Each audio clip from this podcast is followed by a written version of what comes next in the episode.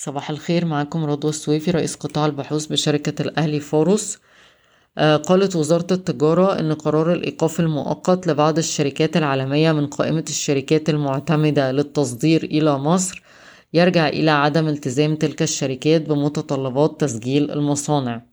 وأصدرت الوزارة بيان أعلنت فيه عدم حظر دخول أي منتجات سعودية إلى البلاد مشيرة إلى آه، شطب بعض الشركات العالمية من القائمة بعد أن أقامت مصانع في مصر ولم تعد بحاجة إلى تصدير منتجاتها للسوق المحلي.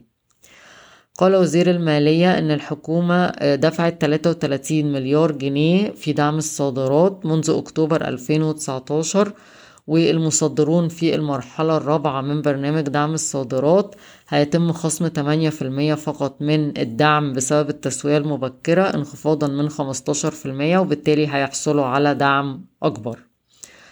آه، مجلس النواب أرسل مشروع الموازنة العامة للدولة لعام 22-23 إلى لجنة الموازنة والتخطيط.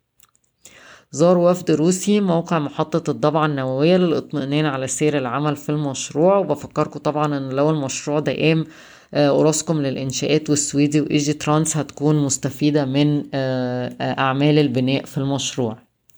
تلقى ميناء الأسكندرية شحنة فحم من روسيا تبلغ 5000 طن الأسبوع اللي فات. نظرا إن منتجي الأسمنت بتنوع الموردين وبتحاول تبعد شوية عن الموردين في أمريكا. شركة تعليم آه، هتفتتح المرحلة الأولى من آه، المستشفى الجامعي في جامعة النهضة بني سويف على سبتمبر 2022 وبدأت تسوية الأرض استعدادا لإنشاء جامعة باديا الدولية. مشروع القومي لإحلال السيارات بدأ يدخل الأقصر وأسوان والخبر ذكر أن تم استبدال 18 ألف مركبة حتى الآن آه، في إطار خطة الحكومة لنقل المركبات للغاز الطبيعي. شركة دومتي هتلغي ال GDRs بس مستنية موافقة الجمعية غير العادية.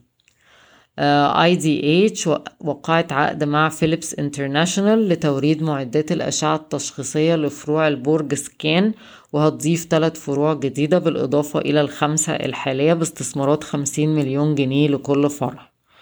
شركة كليوباترا أضافت لمجلس إدارتها أربع أعضاء بيمثلوا CI Healthcare بعد الاستحواذ الأخير.